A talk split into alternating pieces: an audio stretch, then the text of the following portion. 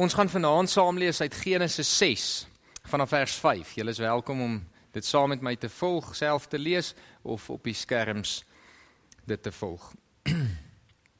Die verhaal van die sonvloed. Toe die Here sien hoe groot die verdorwenheid van die mens op aarde is en dat hy sy lewe lank net slegte dinge bedink, was die Here bedroef daaroor dat hy die mens op die aarde gemaak het. Dit het hom diep gegrief. Die Here het gesê: Ek sal die mens wat ek geskep het wegvee van die aarde af.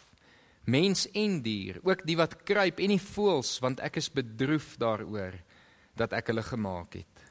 Maar Noag is deur die Here begenadig. Hier volg die verhaal van Noag. Noag was 'n regverdige man. Onder sy tydgenote was hy onberispelik en hy het naby God geleef. Noag het 3 seuns gehad: Sem, Gam en Jafet. Die aarde was korrup in die oë van God, vol geweld. Hy het die aarde gesien, dit was korrup. Elke mens op aarde se lewe was verrot. Toe sê God vir Noag: Ek het besluit om 'n einde te maak aan alle mense, want deur hulle toedoen is die aarde vol geweld. Ek gaan hulle saam met die aarde verdelg. Maak vir jou 'n ark van goferhout. Jy moet vertrek in die ark maak en dit binne en buite met pik dig maak. Jy moet dit soos volg maak. Die lengte van die ark moet 135 meter wees. Sy breedte 22 en 'n half meter en sy hoogte 13 en 'n half meter. Jy moet 'n dak vir die ark maak en sy nok moet jy 45 cm hoog maak. Verder moet jy 'n deur aan die kant van die ark insit en 'n onderste, middelste en boonste verdieping maak. Ek gaan 'n oorstroming oor die aarde laat kom om al wat daarop lewe te verdelg elke lewende ding onder die hemel. Alles wat op aarde is, sal omkom. Maar met jou wil ek 'n verbond sluit. Jy moet in die ark ingaan, jy en jou seuns en jou vrou en jou skoondogters. Van al wat leef, van al die diere moet jy twee van elk manlik en vroulik in die ark laat ingaan om saam met jou aan die lewe te bly. Van elke soort voël en dier, ook van die wat kruip, van almal sal daar twee na jou toe kom om aan die lewe te bly. Jy moet vir jou kos saamvat van alles wat geëet kan word en dit by jou wegpak. Dit sal jou en die diere se kos wees. Noag het alles gedoen presies soos God hom beveel het. Tot sover. Toe Noah die fliek wat gaan oor Noag se verhaal uitgekom het so 'n paar jaar gelede, was daar ongelooflik baie kritiek teen die fliek vanuit verskillende oorde maar meestal vanuit Christene self. En die kritiek was basies oor twee redes. Die eerste rede dat die fliek nie 100% getrou is aan die Bybelse teks nie. Wat ironies natuurlik is dat dit eintlik baie meer getrou is as wat meeste Christene besef het. Hulle ken net nie hulle Bybels nie, maar dit daar gelaat. Die tweede rede was dat die fliek nie histories akkuraat was nie in die sin dat daar 'n klomp uitbeeldings in die fliek is oor moderne dinge. Jy het 'n klein deel daarvan gesien aan die begin uh met gewere en swaarde wat deel is van die toneel wat nie deel was van Noag se verhaal nie. daarmee saam sien ons in die fliek moderne stede, mense wat moderne klere aan het. Moderne oliepompe in die middel van 'n woestyn. En mense het gesê, maar hoe's dit deel van Noag se verhaal wat duisende jare terug was? Ek het op grond van die kritiek besluit om juist die fliek te gaan kyk vir myself te sien hoe is dit. En ek kan onthou, dit was nog in Pretoria in Menlyn en ek het daar uitgestap en ek het met myself gedink, "Wow. Hoe ongelooflik is dit nie dat hierdie regisseur dit reg gekry het om Noag se verhaal van duisende jare terug uit te beeld en tog ook ons verhaal vandag in dieselfde fliek te verwoord. Ek het 'n paar keer hierdie week gedink, wat besiel my om Noag tydens Paasfees te probeer preek? Maar ek doen dit omdat daar soveel ooreenkomste is tussen Noag se verhaal, Paasfees en vandag. En ek hoop dat al drie lyne Eerens tussen vanaand, môre en Sondag vir jou bymekaar gaan kom en dat dit regtig vir jou iets nuuts gaan oopbreek oor wat Paasfees regtig beteken en wat Jesus regtig vir ons kom doen het. Ons wêreld is gebroken. Die teks wat ons vanaand lees, die begin van Noag se verhaal, begin met God wat na sy skepping kyk. En dan sien ons iets het verander tussen Genesis 1 en Genesis 6 in daai paar generasies. Want in Genesis 1 skep God en elke keer na hy klaar geskep het, sê hy dit is goed. Julle het dit in die video ook gesien. Dis mooi uitgebeeld ook, nê. Nee. Die lig was nie 100% nie. Uh, as julle die video weer wil sê la, sien laat weet my dan, dan sorg ek dat hy by jou uitkom. Dat God skep en dit is goed. En dan in Genesis 6 kom hy en dan is hy spyt oor sy skepping. Dan kyk hy na die skepping en hy sê hierdie wêreld is vol geweld. Hierdie wêreld is korrup. Hy kyk na mense se lewens en dan kom hy tot die gevolgtrekking dat die mense se lewens vrot is. En dan sê die teks vir ons dat hy diep gegroe was daardeur. Ek wil jy met jou vir oomblik net indink, God wat na die wêreld kyk, God wat na die aarde kyk. In Noag se tyd, na mense se lewens en dan sê hy ek dink nie hierdie moet aangaan nie. Dan maak hy die uitspraak dat hy sê kom ek vee liewers alles van die aarde af. En kom ek begin oor. En dan soos hy na mense se lewens kyk, dan kom hy by een ou uit, Noag. En dan sê hy miskien miskien kan ek met Noag en sy familie tog die mens aan die lewe hou en oorbegin. En hy doen dit dan. Hy sluit met hom 'n verbond. Hy sê vir Noag: "Noag, my plan was om die mens af te vee. Maar met jou gaan ek 'n nuwe begin hê." En dan in die fliek en hier is nou een van die gedeeltes waar mense nogal krities is omdat dit nie getrou is aan die Bybelse teks nie, het Noag die heeltyd hierdie worsteling oor moet die mens deel wees van die skepping. Moet die mens liewers nie maar sterf nie en die fliek is dit so erg uitgebeeld dat hy oorweeg eintlik om hom en sy familie dood te maak. Sodra die vloed verby is dat die diere alleen op hulle eie gaan. Ons hoor hierdie gedagtes vandag ook. Mense wat kom en sê as die mens net nie hier was nie, dan sal die skepping kan aangaan, sal die natuur homself herstel, sal die natuur kan kan aanbeweeg. En dan in hierdie selfde teks sien ons dis nie waar nie. Dit is nie so nie, want God se plan was aanvanklik om selfs die diere te vernietig tot hy vir Noag sien. En dan sê hy Noag, deur jou gaan ek die diere ook red. Hulle sal na jou toe kom. Hulle sal saam met jou in die ark ark ingaan. Jy sal hulle versorg. Jy gaan vir hulle kos gereed kry voor die tyd. Die mens is van die begin van die skepping af deel gewees van die skepping. En nie net deel nie, maar aangestel om hierdie skepping te onderhou. En dan kan ek en jy nie vanaand anders nie as om te erken ons is besig om droog te maak en ons is besig om totaal en al te misluk. Waarskynlik nog baie meer en baie erger as in die tyd van Noag.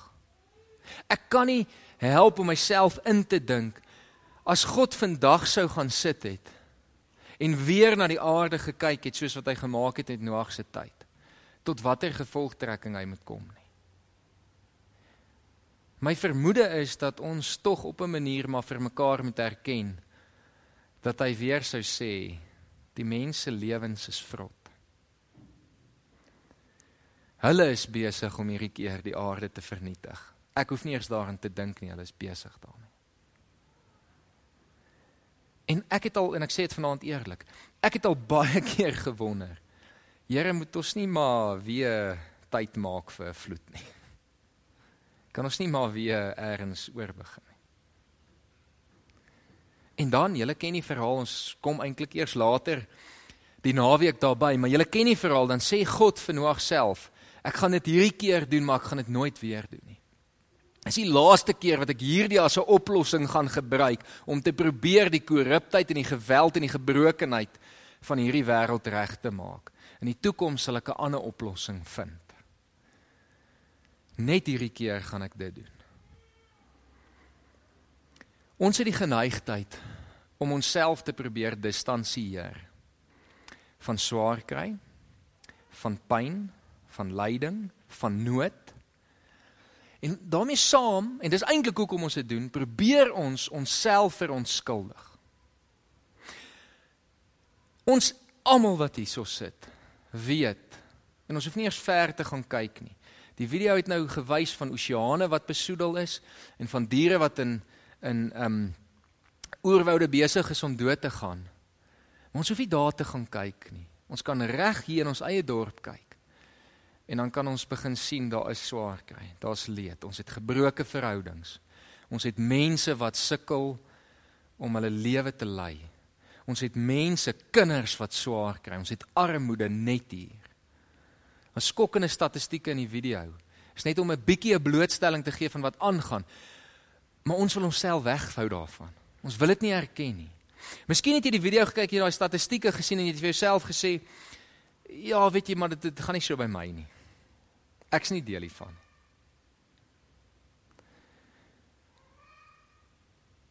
Al doen jy niks daaraan nie, is jy ook skuldig. En selfs al probeer jy iets doen, kan jy nie ontken dat jy op 'n manier maar deel is van hierdie wêreld en daarmee saam sy gebrokenheid nie. daarmee saam mense wat seer kry. Mense wat mekaar emosioneel afkraak. Kinders wat by die skool geboelie word. Mense wat met siektes worstel. Mense wat nie weet wat gaan môre inkomste vir hulle huisgesin bring nie. Boere wat hierdie jaar 'n paar keer op hulle grond gesit het en gewonder het, gaan dit reën, gaan daar uitkoms wees. Ons almal wat op hierdie stadium in hierdie land en as ons die woorde korrup en geweld in 'n Bybelse teks lees, dan spring daar 'n klomp goed by ons op rondom ons land. Ons wêreld is gebroke. Ons kan dit nie langer ontken nie. Ons kan nie langer onsself blind staar en sê, weet jy maar met my gaan dit goed, so solank dit met my goed gaan, gaan ek maar aangaan nie. Eerens het ek en jy nodig om die realiteit in die gesig te staar en die vraag waarom die video geëindig het, waar jy nou te beantwoord. Waarheen nou?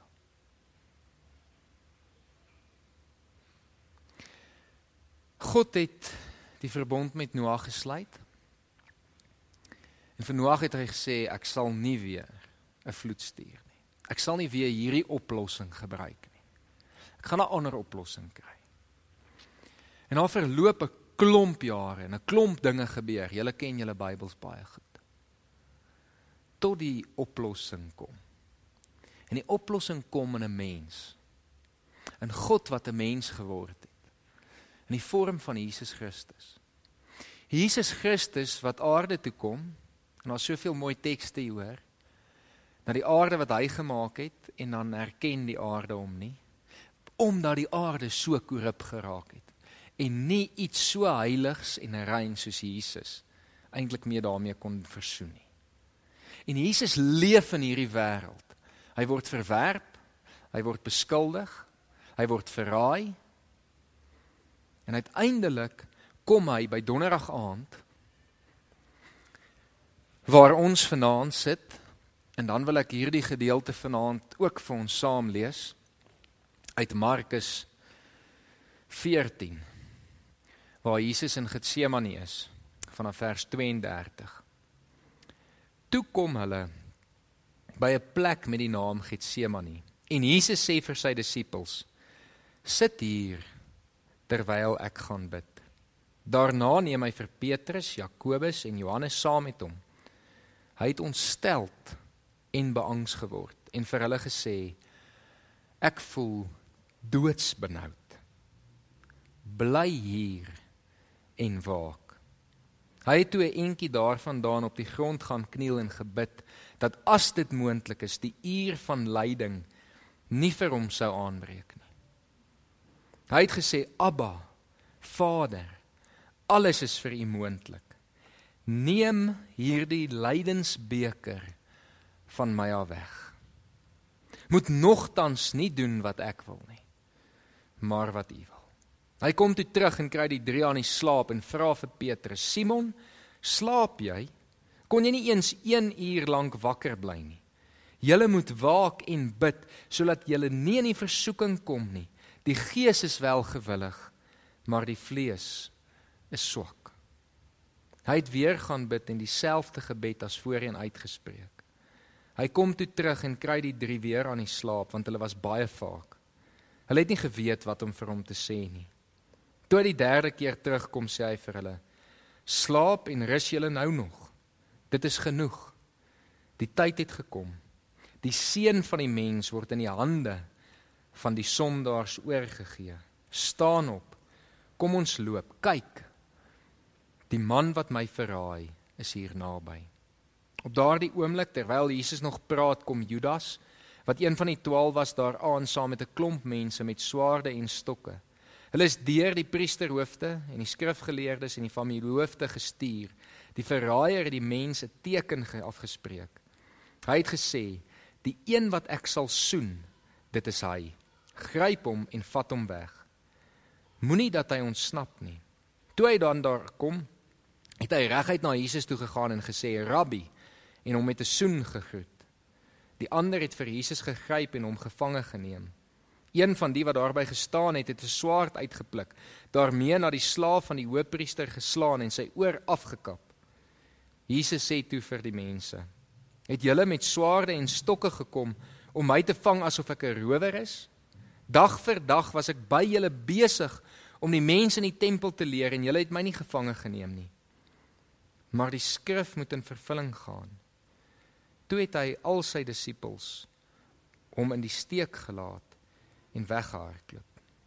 'n Sekere jong man is saam agter Jesus aan met net 'n doek om sy lyf. Die mense gryp hom toe, maar hy het die doek gelos en kaal weggehardloop. Hulle het Jesus weggelei na die hoofpriester toe. Die priesterhoofde en die familiehoofde en die skrifgeleerdes het almal daar saamgekom. Petrus het op afstand agter hom aangegaan tot binne in die binnehof van die hoofpriester se woning.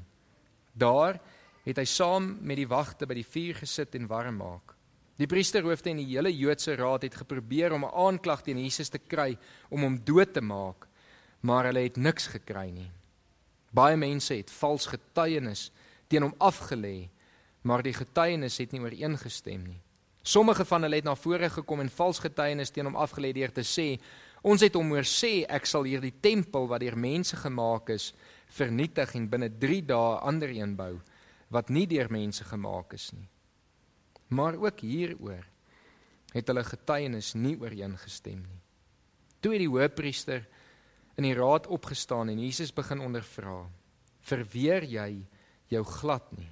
het hy gesê. "Wat van die getuienis wat hierdie mense teen jou inbring?" Maar Jesus het niks gesê nie en hom glad nie verweer nie.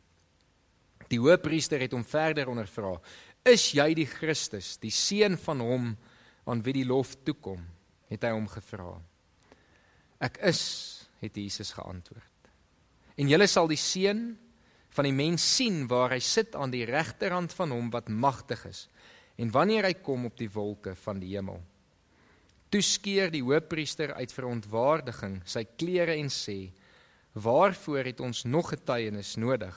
Julle het die godslastering gehoor. Hoe lyk dit vir julle? Hulle het een om eenparig veroordeel. Hy verdien die dood. Party van hulle het begin om op hom te spoeg. Hulle het sy oë toegebind, hom in die vuis geslaan en vir hom gesê: "Profeteer 'n bietjie." Ook die wagte het hom geklap toe hulle hom wegvat. Tot sover. Ons word vanaand gekonfronteer met die lyding van hierdie wêreld. En ons lees vanaand hierdie gedeelte waar die tweede oplossing gekom het. Nie die een waar soos in Noag se verhaal die mens gekry het wat hulle verdien het, naamlik die dood nie. Ek hoop julle het mooi opgelet hoe almal eenparig Jesus veroordeel het en gesê het hy verdien die dood. Alhoewel hy onskuldig was. Maar Jesus kom in Getsemane dan bid hy oor die lyding van die wêreld. Hy sien die lydensbeker hierdie lyding waarvan ek en jy vanaand bewus geraak het. Hy sien dit En dan bid hy daaroor. En sy eerste reaksie en ek dink ons kan dit verstaan want Jesus was ook mens alhoewel hy ook God was. En in sy menslikheid kyk hy hierna en sê hy Here, ek sien nie kans nie. Mag hierdie beker by my verbygaan. En miskien vir ons wat vanaand hier sit en net 'n klein deeltjie dalk hier en daar al gekonfronteer was met lyding, vanaand 'n paar dinge gehoor en gesien het, dan wil ons ook sê laat dit liewers by ons verbygaan. Ons sien nie kans nie. Ons weet nie eintlik wat om daarmee te doen nie. Ons het nie 'n oplossing nie. Jesus bid dit, maar dan bid hy daarmee saam. Here, nogtans nie my wil nie, maar U wil. En eintlik wanneer hy daai woorde sê, dan weet hy reeds wat dit beteken want hy weet wat God se wil is want hy is self God en hy het self die besluit gemaak om mens te word. Hy het self die besluit gemaak toe hy vir Noag gesê het ek sal nie weer die mens aan die dood laat afstaan nie. Het hy die besluit gemaak om daai verbintenis nie net aan Noag te maak nie, maar aan alle mense daarna. En in daai besluit het hy eintlik al geweet Hy gaan die een wees wat dit op hom moet neem. Hy gaan die een wees wat hierdie lyding, hierdie gebrokenheid op homself moet neem. Sodat hy die vernietiging wat ek en jy gemaak het, die uitspraak dat ons die dood verdien, op homself neem en sê ek sal dit dra. En dat mense vir hom kom sê hy verdien die dood. Ons het die geneigtheid om in lydenstyd en veral met Paasfees baie keer tonele te kyk van Jesus. Die kruisiging te lees, hierdie teks vanaand te lees. En eers en ek weet nie presies hoekom of waar dit gebeur het nie, het ons begin om dit te verromantiseer. Het ons eers die lyding begin miskyk en dis deel van die rede hoekom ek eintlik besluit het om hierdie jaar met Noag te begin met die hoop dat ek en jy weer gekonfronteer sal word oor wat hierdie lyding regtig beteken het. Oor hoe dit regtig vir Jesus moes gewees het om gespoeg te word. Om geslaan te word. Om uiteindelik met swepe geslaan te word. Om uiteindelik met 'n doringkroon in sy kopvel in te druk om uiteindelik en dis waar ons môre gaan aangaan die lyding van die kruis te verduur. Jesus het die lyding op hom geneem sodat ek en jy daarvan kon vrykom. Miskien sit jy vanaand hier en dit voel net vir jou jy's oorweldig. En miskien alhoewel jy deels moet erken ek is ook skuldig, ek het ook mense seer gemaak en ek's ook deel van hierdie stelsel, voel dit vir jou hierdie stelsel het nou te veel kere iets aan jou gedoen en jou te veel keer seer gemaak. Dan sit vanaand tyd om na die Here toe te gaan en vir hom te sê Here, U het reeds my lyding gevat. Maar vat dit nou weer. Vat dit weer op U. U het kans gesien vir die lydensbeker en ek doen nie. Kom help my. Kom vat dit van my weg. Kom ons word 'n oomblik stil en dan bid ons saam. Here ons dink vanaand terug aan die aand wat u 'n laaste keer saam met u disippels in die tuin van Getsemane was. Here waar u op 'n baie erger en meer dramatiese manier die gebrokenheid van die wêreld moes aanskou hoe u na mense lewens gekyk het en gesien het dit is vrot. En Here, hoe dit gemaak het dat u gesê het ek sal dit wegneem, ek sal dit op myself neem. Ek sal ly. Ek sal sterf sodat hulle nie hoef nie. Here, en dan kan ons nie vanaand anders as om vir u te kom dankie sê nie.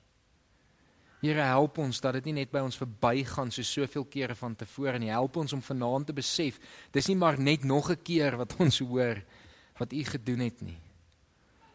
Maar dat ons vanaand regtig erns sal maak daarmee. Sal besef wat dit u gekos het. En Here so ook wanneer ons môreoggend hier bymekaar kom om nagmaal te vier. om Sondagoggend te kom. Here werk in ons hierdie naweek, Here kom. Kom maak dat hierdie tekste, hierdie gebeurtenis, hierdie storie van wat U gedoen het, van wie U is, ons lewens in totaliteit kom verander. Here, ons wil daarmee saam kom vra vanaand. Here, kom vat die leiding weer. Here, U ken ons. U ken ons seer, U ken ons pyn.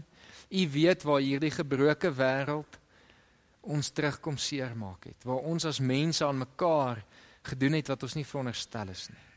Here, mag U genesing bring. Here, vanaand wil ek kom vra, mag U mense kom vertroos. Here, mag U ons kom help om weer lig te sien. Mag U ons help om weer te weet, maar U sal ons nie in die steek laat nie. U is by ons. U sal ons help. U sal ons dra. En mag ons hierdie naweek veral besef dat die oplossing al reeds gekom het. Dat U gekom het. Amen.